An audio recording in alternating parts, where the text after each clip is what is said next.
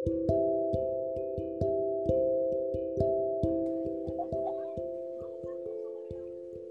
Denggan udah di sini ya? Udah, udah, Udah siap kan? udah. Ya udah langsung aja. Halo, assalamualaikum teman-teman. Kami perwakilan dari kelompok peradaban Romawi. Saya Putra Amelia.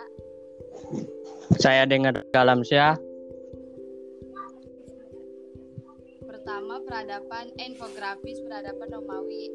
Peradaban Romawi merupakan sebuah peradaban yang berasal dari negara kota Roma yang didirikan di Sum Sumenanjung, Italia yang menjujur ke Laut Tengah.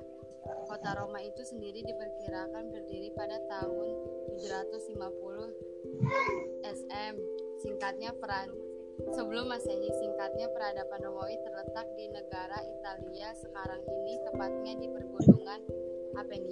Daerah pergunungan Apenia seperti sebuah kaki yang sedang menyepak bola dan bola itu adalah Pulau Sisilia. Penyebab terjadinya keruntuhan peradaban Romawi. Di akhir abad keempat, pernah berdirinya kekaisaran terkuat yang disegani di dunia kala itu. Selama hampir 500 tahun, kekaisaran itu bertahan. Saking kuatnya kekaisaran tersebut, timbul perdebatan tentang bagaimana keruntuhannya bisa terjadi. Satu, penyerangan oleh kaum barbar.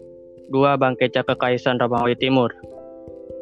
Peradaban Romawi kuno punya adil besar dalam perkembangan bahasa, agama, tata kemasyarakatan, teknologi, hukum, politik, ketatanegaraan, tata cara berperang, kesenian, kesusastraan, arsitektur, dan ilmu teknik zaman modern.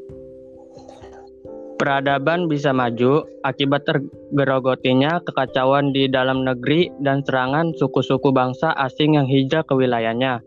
Bagian barat, kekaisaran Romawi akhirnya terpecah belah menjadi kerajaan-kerajaan merdeka bentukannya suku-suku barbar pada abad kelima. Para sejarawan menjadikan peristiwa keterpecah belahan ini sebagai tonggak sejarah semesta yang memisahkan kurun waktu kuno dari kurun waktu atau kegelapan. Praabad pertengahan di Eropa, para sejarawan zamannya modern.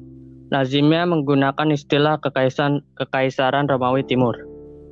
Sekian dari kelompok kami, semoga teman-teman bisa mengerti apa yang kami sampaikan dan mo- mohon maaf jika ada kesalahan.